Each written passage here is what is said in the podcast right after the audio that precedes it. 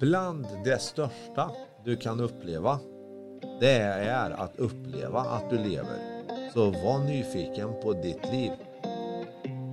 Mät inte så förbannat mycket.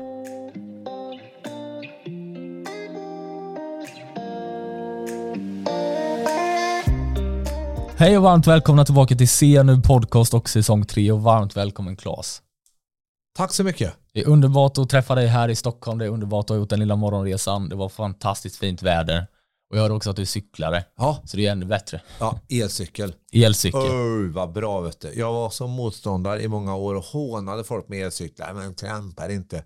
Du vet, nu är jag religiously convinced. Åh, vilken gåva. Ja. Ja, men- ja. Så jag är lycklig. Jag är, jag am ready done today. Happy, happy. Ja, ja men jag, jag håller med dig, jag vet bara när elsparkarna kom nu. Ja. Det har ju både, både blessat hela världen men också lite, gjort den lite värre för Ja, men det är lite just. värre. Det är lite besvärligt med elsparkcyklarna. Men den debatten behöver vi inte gå in i nu. Nej. Men jag tänker, eh, vi ödslar ingen tid som vanligt, så vem är Klas? Vad gör du för någonting? Ja, den dagen jag riktigt kan veta vem jag är, då, då har det hänt något. jag håller fortfarande på att upptäcka vem jag är. Det är nog ändå grundutgångsläget. Eh, eh, men om jag tar sånt som är någonstans då ändå eh, fakta så är, är jag väl 50 bast, heter Claes Hallberg och är uppväxt i Karlstad men bor i Stockholm sedan 20 år. Och det tar enligt eh, Dagens Nyheter i snitt 15 år att bli stockholmare och jag tror att jag tillhör jag tillhör den, den här, de sega, så att det har inte riktigt hänt än. Men, men eh, jag trivs här ändå. Ja. Och jag har eh, två barn och jag har en fästmö och en elcykel. Mm. Och jag jobbar som föreläsare och författare. Vad, vad föreläser du inom? Ja du. Eh, Den, min senaste bok den heter I kundens skor och den har jag skrivit ihop med Per Kristensson som är professor vid Centrum för tjänsteforskning i universitetet i Karlstad. Och den handlar ju då om att utgå från andra, de vi är till för, oavsett om vi kallar dem för kunder eller medborgare eller patienter eller vad det nu är. När vi både interagerar med dem men också när vi bygger våra processer så att vi kanske kan bygga jag, jag, jag tror att vi, vi, vi behöver bli bättre på att skapa elastiska någorlunda elastiska processer i vårt arbetsliv om vi ska kunna vara värdeskapande tillsammans framöver. Så. Men sen kan man väl säga att jag föreläser inte bara om att ha foten i kundens skor utan jag har ju haft ja, det är min första rimliga titel det. Eh, men jag har ju också skrivit en bok som heter Y cerebralai som jag pratar mycket om. Eh, och eh, med undertiteln Arbeta mindre, få mer gjort. Och det handlar ju väldigt mycket om effektivitet då. Eh, och, och man kan väl säga att centralt för mig i hela min eh, yrkesverksamma tillvaro är väl idén om att det som jag lägger tid på ska vara värdeskapande. Så, på något sätt. Och sen så tror jag man kan mäta värde på väldigt många olika sätt då. Ehm, men värdeskapande och effektivitet och sen har jag ju pratat väldigt mycket om då, alltså att må bra. Det, för, för, det blir, för, för mig blir det det blir inte riktigt värdeskapande om en av två mår dåligt men någon, ett resultat uppnås men folk har mått dåligt under tiden det, det, det, det, är tveksamt då för mig så, så att jag vill gärna kombinera att, att eh, må, må bra, alltså, trivas, ha det bra. Jag, jag är inte en av de här lyckopredikanterna så. Alltså, jag, jag tror att man kan fungera väldigt, man, man kan man, man är inte lycklig. Eller jag, vet inte, jag vet inte riktigt vad det är ens att vara lycklig. Men, men alltså att man trivs och har det bra och gillar det, liksom. det. Det tror jag stenhårt på. Så, livet och arbetslivet. Så att eh, ska jag rama in det på något vis och föreläsa dem så kan man väl säga att förstå sina kunder, eh, välmående, självledarskap och eh, kanske eh, effektivitet. Då. För det, det som är så int- intressant med det du säger det är att man kan knappt definiera vad äkta, ren, ärlig lycka är. Nej. För att ditt liv går ju hela tiden framåt, så det kan ju alltid bli bättre som de säger. Ja, Eh, Men det betyder ju inte att du inte har upplevt ditt relativa absoluta helvete samtidigt. Nej. Och det är ju en väldigt skön eh, vändpunkt och vägg att backa in i som vi har märkt med många olika föreläsare som vi just har suttit med. Just det här att okej, okay, om du vet vad ditt personliga aj, aj är, Ja, jo men då vet jag också att det här är ingen plats jag vill stanna i och jag vill röra mig framåt. just det. Och det binder in i just det där du pratar om som är så viktigt, just produktivitet, effektivitet.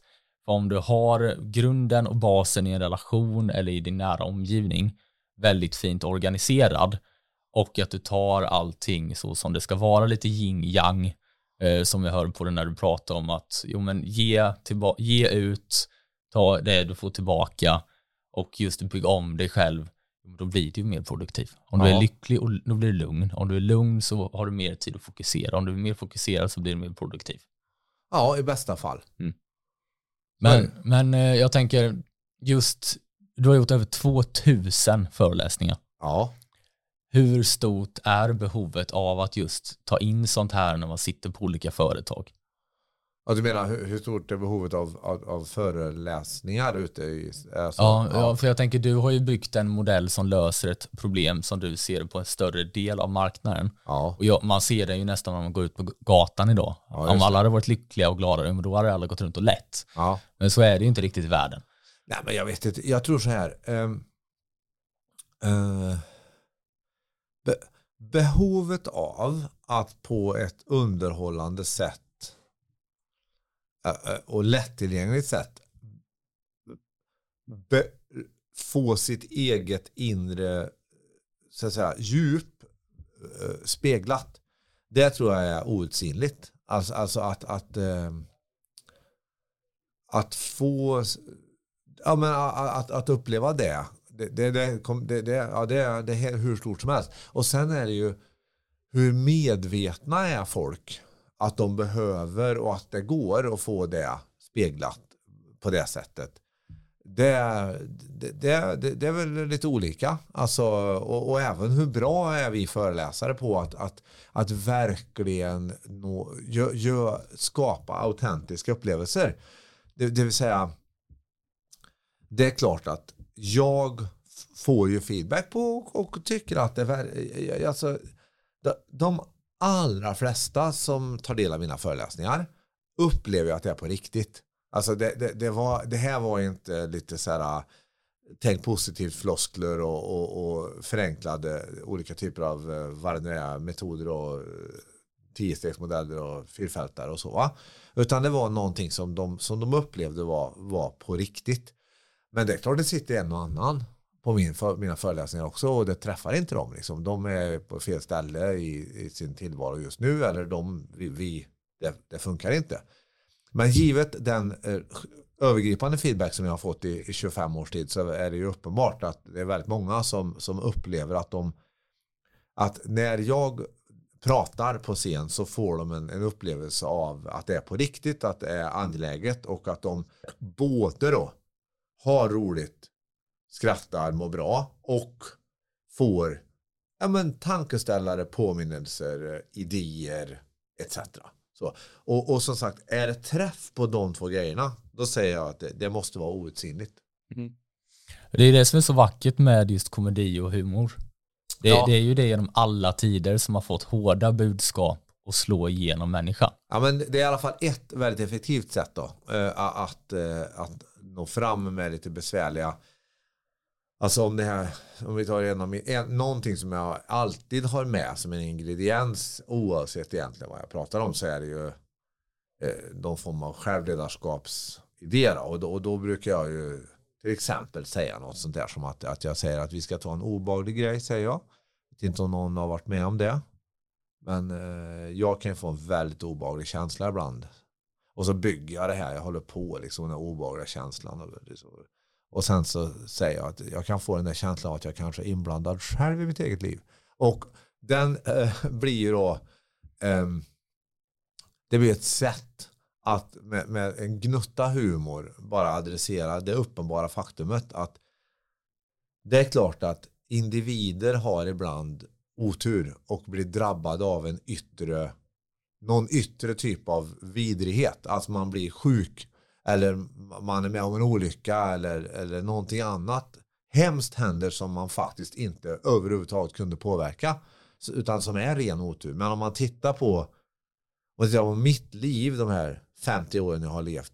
Så är det ju inte de ögonblicken av tur och otur som har definierat att jag är det jag är nu. Utan det är ju en miljon olika typer av beslut som jag har fattat i olika situationer, stora och små. Och, och det är ju smärtsamt. alltså, det är ju smärtsamt att umgås med den tanken att shit, det är jag som har sett till, jag mer än någonting annat, som har sett till att jag är det jag är nu. det är ju en vidrig känsla. Mm. Ja men det är just självinsikten och just att börja inse, okej, okay, mitt liv styrs ju av mig, vare sig jag vill eller inte. För det är just som du säger, det är ju dina beslut. Sen kan ju, precis också som du säger, omvärlden kasta olika bollar på dig. Och så får du tackla dem så som du bäst kan göra. Ja. Eh, men då är min nästa fråga, för det låter ju i mina öron som att du gör väldigt mycket baserat på intuition. Ja, alltså det där är ju klurigt va. Så då nu i och med att det är en halvtimmes-ish podd så ska vi inte fastna för mycket i kanske loda på vad intuition är. Men eh, så, eh, jag, jag tror så här. Jag en av mina starkaste drivkrafter överhuvudtaget när jag går upp på morgonen det är ju att, att ha vara nyfiken och, och, och jag använder mig bland annat av ett begrepp som jag pratar jätteofta om på scen som är beginners mind. Eh, det definieras av en zenbuddhistisk munk som heter Suzuki och han säger så här om beginners mind. In the beginners mind there are many possibilities. In the experts there are few. Och jag tänker att det är liksom lite grann en turism att om jag har och om jag har erfarenhet och expertis och klarar av när jag använder min e- expertis och erfarenhet att också vara äckligt nyfiken som om jag gjorde det för första gången då får jag maximal utväxling på min expertis och erfarenhet. Va? Eh, men om jag inte har ett beginners mind då är det risk att min expertis och erfarenhet blir till min egen begränsning. Och när du pratar om intuition här så kan man väl säga att det jag försöker göra är att jag försöker ta då min expertis och erfarenhet, det vill säga alla, eh, alltså alla, alla otaliga kurser jag har gått på på universitet, eh, alla olika typer av då akademiska och icke-akademiska eh, små examina jag har, alla böcker och alla artiklar som jag har läst genom alla år. Och alla mina då tusentals, tiotusentals timmar på scen. Då försöker jag ju att göra så bra som möjligt i ögonblicket av det. Och då kan jag inte sitta fast för mycket i tidigare erfarenheter. Jag måste applicera på stunden. Och då blir ju det Alltså lite grann då eh, ett, ett, ett, ett intuitivt förhållningssätt kan man säga för att bekräfta dig. Eh, fast jag tänker att det är, det är väldigt eh, alltså jag försöker vara noga med att, att eh, vad ska jag säga då? agera ändå utifrån eh, en bas av kunskap. Så. Och det är lite så med lånade ord från en kille som heter Mikael Engström som vi haft på podden tidigare som föreläser extremt mycket om just intuition och intuitionsbaserat tänkande. Ja. Just att folkmassan verkar se intuition som någonting som är emotionellt pådrivet fast egentligen är rationellt. Ja, just det. För det är ju som du säger, du primas ju någonstans av alla dina erfarenheter och sen blir ju magkänslan blir ju att din hjärna tar ett kort, snabbt intuitionsbaserat beslut baserat på alla dina ackumulerade erfarenheter. Ja, jag brukar tänka på det i form av impulser. Alltså att jag, om vi tar scenframträdande nu, stå framför folk. Då brukar jag tänka ungefär så här att jag, de första 500 föreläsningarna jag gjorde kanske, ish, då hade jag ju mer eller mindre minutmanus. Alltså att jag, jag hade en, jag skrev ner, det här ska sägas, det här, och det här leder till det andra och det här blir logiskt och jag satt liksom och, och jag, jag la ju ner på de första hundra föreläsningarna så la jag nog ner ja men så här 20 förberedelsetimmar per timme på scen. Liksom. Jag satt, för jag liksom gick igenom allting i så här, satt på kaféer och mumlade hur, hur, om jag säger så här, hur leder det? Så att jag liksom gjorde ett sånt.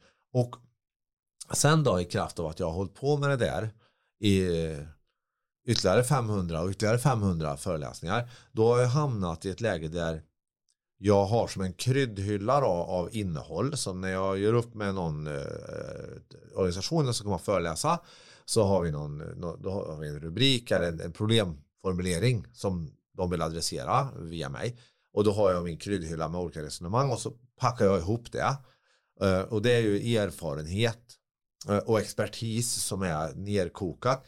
Och sen så när jag väl kommer då, då, då är det så att då kanske det är så att jag, det är någon fysisk eh, ting i miljön. Solen lyser in eller det hörs någonting, någon fläktljud eller det är eh, något som ramlar eller någonting. Och det är kanske någon som har stått och kört powerpoint-bilder jättelänge så folk längtar eh, och kippar efter andan. Vad, vad som helst kan ha hänt. Um, eller att chefen säger någonting intressant. Och då så har jag ju min då erfarenhet och expertis packad. Jag har ett grovschema i skallen.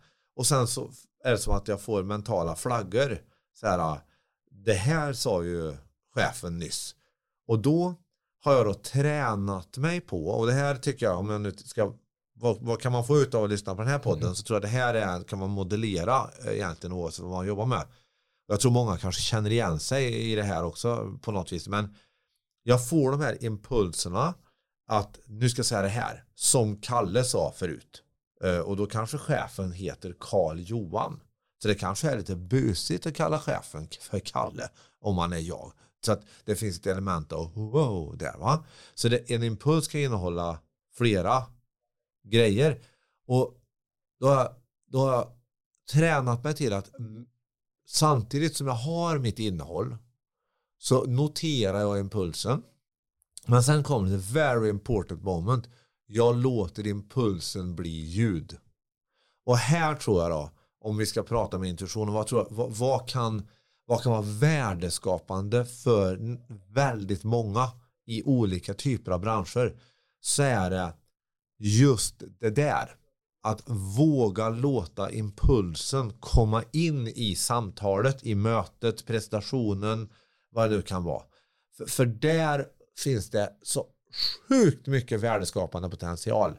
Som vi då, om man bara tar i skolan, när mina barn tröskar sig igenom ibland så här, eh, lektioner som de beskriver som otroligt tråkiga. Va? Alltså, ofattbart oinspirerande för dem. Och där det måste ha varit så att lärarna fått impulsen att säga men ni ser ju döda ut.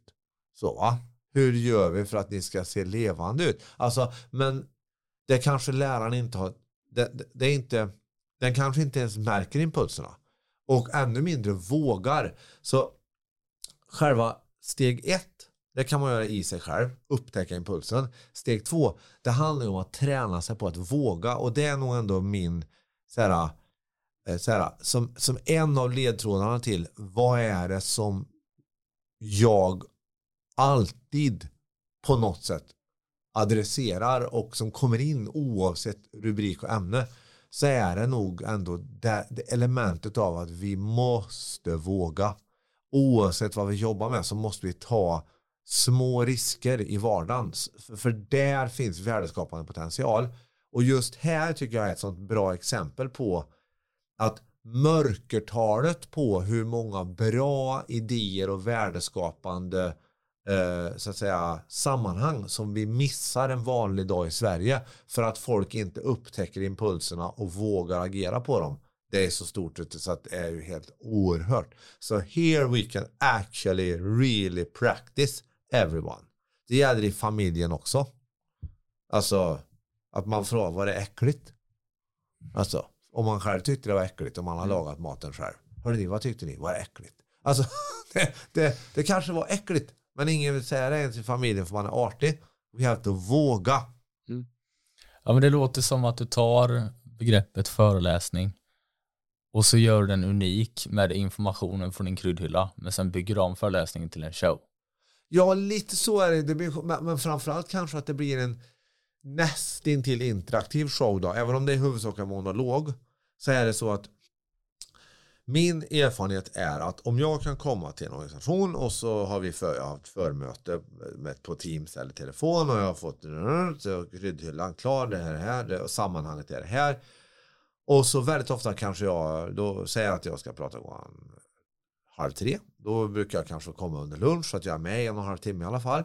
Och eh, då är det ju det här att om jag kan koppla till vad som har sagts där och då då, då, då får ju folk ändå en känsla av att det här händer nog nu. Det, det, det här är fan med på riktigt det. Och då skapar vi showen tillsammans. Även om insatsen på publiken är svinliten så är den ändå där att jag kommer inte med mitt manus som jag har kört tusen gånger förut och som är exakt likadant oavsett om jag är på SBAB eller om jag är på du vet, regeringskansliet eller om jag är på Ericsson. Alltså, det, det, och, och där uppstår också den här en värdeskapande potential av att vi i det här rummet upplever att det här händer nu. Very important. Mm. Many chefer make big mistake every day. Jag tog det på stockholmska för vi pratar så. Mm. Hello, how are you doing? Men alltså att man, man vi har en övertro på information. Eh, så, så vi tror att vi kan liksom bara skita i att det är stenhårda träbänkar folk sitter på och att det är svinvarmt i rummet och att det var äckliga bullar. Eh, eller att vi har en stor fläck här på skjortan. Va? Då, eh, vi tror att nu kör jag mina powerpoint så som det var tänkt för att informationen måste ut. Men det är en av mina äldsta deviser som jag har stått och skrikit om så mycket. Nej, informationen ska inte ut. Informationen ska in. Och då går den kanske in via, har ni sett vilken kaffefläck? Det var väl bra gjort och lyckas hälla en så stor kaffefläck så långt upp på armen. Alltså vad som helst som gör att alla, ja nu är kaffefläcken adresserad. Nu kan jag fundera på månadsrapporteringen. Så. Mm. Please be real people. It's a bön. Ja, det Det är så underbart så som du förklarar för det är så man upplever verkligheten. Det är därför man går till vissa restauranger till exempel och är kvar på de restaurangerna. För att då beställer du samma måltid men den blir tillagad framför dig på ett sätt och kommuniceras mot dig på ett nytt unikt sätt varje gång du är där. Ja. Det är det som är den mest indragande typen av service och upplevelse. Och det är ju samma sak precis som du säger. Eh, hade du haft en chef som kommer i ett par neonrosa byxor en dag och sen neonröda en till dag, och då kommer det till slut bli så att folk, folk blir hungriga på den typen av upplevelse. Ja, visst. Och det är ju då du får den här glädjen, du får just att man tittar personen i ögonen, man har fullt fokus från start, för du har adresserat allt annat som skulle potentiellt kunna dra fokuset. Ja, och sen kan man hamna i situationer som en kollega till mig gjorde som det var dubbelbokat i på Kolmården och hon skulle vara på Vildmarkshotellet. Men eh, istället fick hon föreläsa klockan nio på morgonen i delfinariet för 250 otroligt bakfulla ingenjörer. Och när hon hade pratat i 4-5 minuter så kom första delfinen. och det är klart, då, då, då är det ju chanslöst va. Om, du är, om distraktionselementet är en delfin eh, då spelar det ingen roll hur mycket neon du har på dig. rolig du är kört. Men i, all, i allmänhet finns det inte den typen av utmaningar utan man kan skapa intresse genom att göra det autentiskt här och nu. Mm. Vad är det största du har lärt dig på att köra alla dina föreläsningar om just människan? Nu har du brutit ner hur människan tar upp information, hur den på bästa sätt primas inför ny typ av information som man anser den bör äta upp och processera. Men just beteendemässigt, jag menar det måste vara en intressant upplevelse som människa och föreläsa för så många personer. Ja, det är ju hundratusentals liksom genom åren. Uh, och jag har lärt mig så otroligt mycket. Men, men det som poppade upp först var nog att uh, uh, min upp, en tydlig upplevelse jag har av, om jag pratar mängd, det är hur signifikant det är när en individ tillåter sig att till exempel skratta. Så eh, alltså att, alltså att, vad ska jag säga då? N när vi någonstans av någon anledning ger oss själva okej okay att antingen skratta eller gråta eller vara förvirrade så har vi tillgång till det. Alltså alla har tillgång till både skratt, gråt, förvirring, glädje, lust, ensamhet. Vi, vi har tillgång till typ alla känslor. Det är bara det att en vanlig dag så har vi av olika skäl inte gett oss själva okej okay att känna dem. Men när vi gör det individuellt och i grupp så har vi tillgång. Och det tycker jag har varit kanske ett av äventyren som jag ser yrkesmässigt. Att, att jag har via ja, 2 500 eh, eh, övningstillfällen lärt mig eh, att hjälpa då individer men framförallt gruppen att tillåta sig att vad det nu är häpna eller skratta eller gråta. Och, och, och det det är en yrkesmässig tillfredsställelse men det är också en iakttagelse som jag tycker är lite, lite viktig att vi har tillgång till att vara människa alla men vi är ibland i sammanhang där vi hämmar det och där vi också ska hämma det alltså vi ska anpassa oss till sammanhanget men mitt intryck är väl att vi i allmänhet kanske är överanpassade till sammanhanget då. Så. Jag menar, men är, är man begravningsentreprenör så måste man ju naturligtvis tänka på att folk är i sorg. Alltså, så, och är man läkare och ska skära i folk så måste man tänka på att folk är nervösa. Det är allt det där. Så vi ska anpassa oss till arbetsuppgiften. Men, men, men vi behöver, vi, vi, ibland tror jag vi kompromissar bort det här upplevelsen att vara människor ihop lite för mycket. Och det tycker jag har varit en, det, det, har jag, det tycker jag har varit intressant genom åren att se hur, hur lätt det är att få loss det. Sätta en färgklick på ett väldigt svartvitt papper. Ja, eller och, och, till och med och, och, och, se hur, att se hur folk upptäcker färgen i sig själva. Liksom. Mm. Det, det, det, är ofta det som sker. Mm. Wow, här sitter jag och skrattar. Ja, ja det, det är det som behövs för kreativitet också. Ja, absolut. Så är det ju, du, du för ju innovation genom kreativitet. Har du ett väldigt tråkigt kontor med tråkig omgivning med personer som sitter bredvid dig som du kanske aldrig pratar privat med om någonting överhuvudtaget någonsin. Jo, men vad är det för kreativ som för, kreativitet som föds då? Ja, nej men det är klart att det är så att det, det hjälper ju till. Så är det. Mm. Men jag, jag, tänker vi kan köra eh, en av de sista frågorna här nu. Vad är den största missuppfattning du har känt kanske har förväntats för dig eh, eller av dig när du har gått in i ett möte och ska planera tillsammans med en kursledning, en föreläsning? Vad, vad är deras förväntningar som du har märkt har blivit chockande för dem? För du är en person med otroligt mycket energi och otroligt mycket färg. Det märkte du bara på mitt team när du kom in här. Vi har ju suttit och intervjuat olika vdar och bolagsstyrelser och det är ju en typ av personlighetsgrupp ja. eh, som är lite mer uh, hårt vänster, hårt höger. Inte så mycket fram och tillbaka. Du fick ju alla att garva på två sekunder. Jag tänker det måste ju hända när du är ute på olika företag med ledningsgrupper också. Ja, absolut. Det är klart det är så. Eh, nu, och då ska jag säga, nu minns jag knappt va, men eh, för nu, nu efter eh, alltså, 25 års föreläsande så vet ju de, de flesta som hyr in mig, de har ju en förförståelse för vem de hyr in. Så att de, de räknar ju lite med det här. Alltså, att det, men det, det blir ju ändå förvånande för dem eh, ofta, ett vanligt Teamsmöte.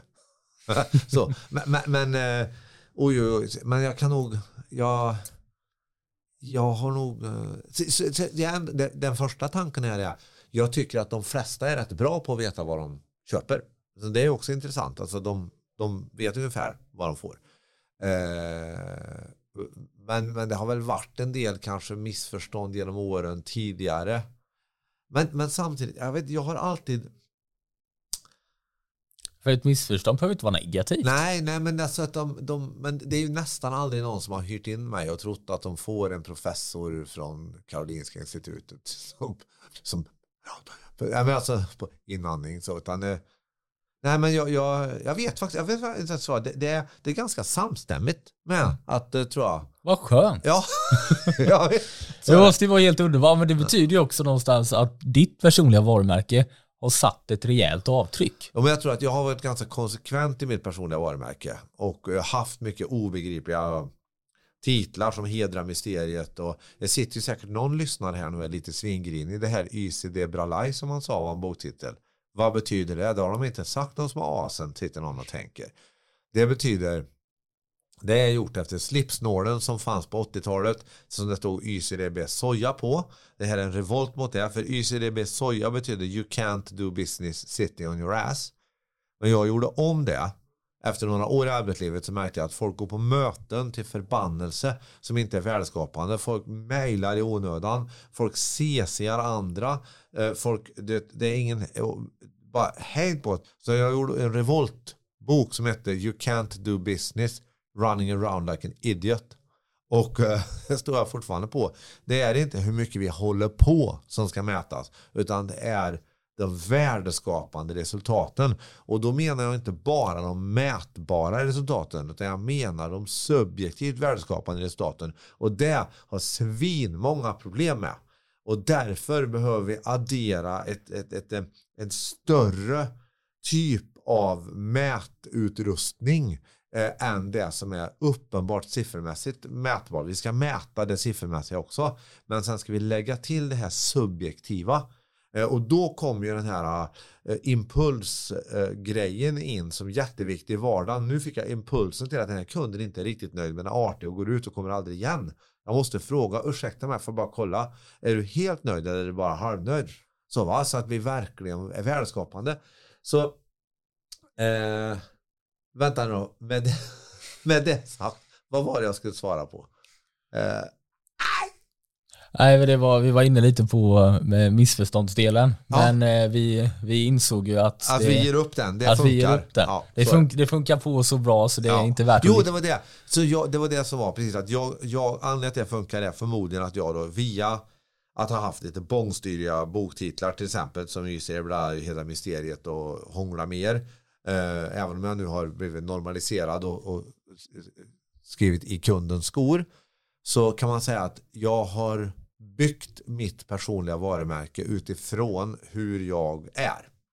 Eh, och, och sen har jag, gör jag jättemycket anpassningar i min kommunikation för att det ska bli ett bra resultat när jag står på scen. Men någonstans så har jag, jag har t-shirt fortfarande. Liksom. Och det tror jag har hjälpt mig. Att undvika missförstånd. För att mm. jag inte behöver, jag behöver inte ta på mig så att säga en, en roll när jag har kundmöte utan Klas är Klas. Ja, Klas är Klas. Liksom. Ja. um, That's an old rule in Värmland. Klas är Klas. jag tror inte jag har skrattat så här mycket på ett avsnitt någonsin. Men om vi ska binda ihop säcken lite ja. Eh, för gemente man eller kvinna som lyssnar. Ja. Eh, då tänker jag bara en liten cherry on the top. Känner du att kulturen i Sverige går åt rätt håll inom att sätta lite färgklickar i små företagsbubblor och kontor eller är den på väg neråt? Jag tycker den går åt rätt håll. Underbart. Ja, det tycker jag. Jag tycker att det är eh, eh, Ja men då, då kan vi väl cherry-toppa här nu faktiskt. Att den går åt rätt håll. Och jag tog med mig här för då fick jag en anledning att ta det här. Jag har med mig prasslande papper här från Dagens Industri. Då daterar man i och för sig podden lite om jag läser det här då. Men eh, man vill ju inte, man vill ha immortal poddavsnitt som forever. Men det här kanske kan vara forever ändå. Det är journalisten Henrik Mittelman som i Dagens Industri skriver en jättelång artikel eh, som är angående studenten. Eh, den ljusnande framtida er skriver han i rubriken och så eh, summerar han artikeln med det saknas inte utmaningar, det gör det aldrig. Och en av de största är en yngre generation som bara ser mörka moln och paralyserande uppgivenhet. Eh, som riskerar att välja den enkla vägen att inte göra något vettigt alls. Och här tänker jag, om man nu ska landa någonstans så tror jag det är lite så med arbetslivet också. Framtiden är ljus. Vi flyttar oss framåt. Vi har roligare. Det är trevligare kontor. Det är godare mackor. Det är mer meningsfulla arbetsuppgifter. Det är mer blandade grupper. Eh, det är svinmycket som går framåt och, och den ljusnande framtid är vår i arbetslivet. Sen har vi utmaningar som Henrik Mittelman konstaterar. Det är ingen snack om saken. Och ju mer vi kan titta varandra i ögonen och också lyfta fram vad resurser vi har, desto bättre kommer vi vara på att hantera de utmaningarna. Helt övertygad om. Och jag ska säga att jag tycker faktiskt ändå att det är så att arbetslivet går, det är fortfarande massor med utmaningar, det är fortfarande massor som står still, men det går ändå med myrsteg åt rätt håll. Mm. Och det låter ju helt fantastiskt. Ja. Hoppas jag för bolagsägare och sånt som sitter och lyssnar på det här också. Eh, för just det här, jag som tog studenten för bara ett, två år sedan. Det, det blir ju just väldigt tydligt att okej, okay, om du äger en digital eller är och verkar på en digital plattform som kanske inte är LinkedIn, Ja. då är det bara ty, skit och helvete som kommer upp. Ja. Och desto mer du råkar scrolla in på det, desto mer blir mörkret och det blir bara mörkare och mörkare. Ja. Och det är ju som du säger, jag har ju varit i företagsvärlden i ett år. Jag hade inte kunnat fantisera om att det var så mycket färg på olika håll och kanter. Jag du vet, satt ju och kollade på de här riktiga goa filmerna från New York som var 80 år daterade. De satt i ett kallt konferensrum och så pekar de på en tavla med lite siffror. Det är ju inte så det funkar. Nej, För de bolagen som i alla fall överlever länge och växer snabbt, det är ju en kultur som byggs absolut. i botten. Ja. Och det är ju den som också tillåter folk att vara människor och när du är som mest bekväm med dig själv, jo men det är ju då du kan börja spela dina spelkort på allvar. Ja, och sen kan man väl säga då att det finns ju massor med utmaningar eh, och en jättestor utmaning det är ju det jag nämnde förut eh, som jag alltid adresserar därför i mina föreläsningar. Det är ju den här rädslan som uppstår i ögonblicket som gör att jag inte vågar agera på mina impulser. Så det är klart att eh, kan vi på något sätt fortsätta att lyfta bort lite skräck i arbetslivet då kommer ju otroligt mycket att hända. Så, men folk är fortfarande ganska hämmade för att det ska bli nyckeltalen ska gå ner eller man ska få skälla chefen eller hamna i lokaltidningen eller vad det nu kan vara för hem som kan drabba en. Va? Så att vi behöver ju verkligen peppa varandra att våga ha den där färgen också. Eh, det tror jag. Så att, så, så att vi inte Ja, så, så, att, så, att, så att vi kan göra den här ah, frihetliga, värdeskapande tillsammansresan lite snabbare. Våga falla framåt. Våga falla framåt is an old rule also i Värmland. Det är mycket gott som kommer från Värmland. Förlåt. Ja, absolut. Eh, men då binder vi ihop säcken och nu har vi toppat den med så mycket strössel och goda grejer här. Eh, produktivitet, effektivitet, eh, just att se, in, vara insiktsfull, våga som vi precis sa falla framåt, våga ta lite risker, våga sätta lite glädje och färg på din vardag om den är lite för svart och grå och vit gentemot hur du hade velat leva ditt liv. Ja. För det är ju ditt liv du lever, det är ju Så- ingen annans. Nej, det är korrekt. Lev det på dina villkor. Ja, tillsammans med andra gärna. Men eh, jag tänker då kör vi en härlig one-liner. Eh, så där är kameran och så tänker jag någonting du hade velat skicka med en person som lyssnar på avsnittet idag. Bland det största du kan uppleva det är att uppleva att du lever. Så var nyfiken på ditt liv. Mät inte så förbannat mycket. Hej! Fantastiskt. Tack så jättemycket för att du var med. Ja, tack så mycket. Och en produktiv arbetsdag. Thank you, thank you, thank you.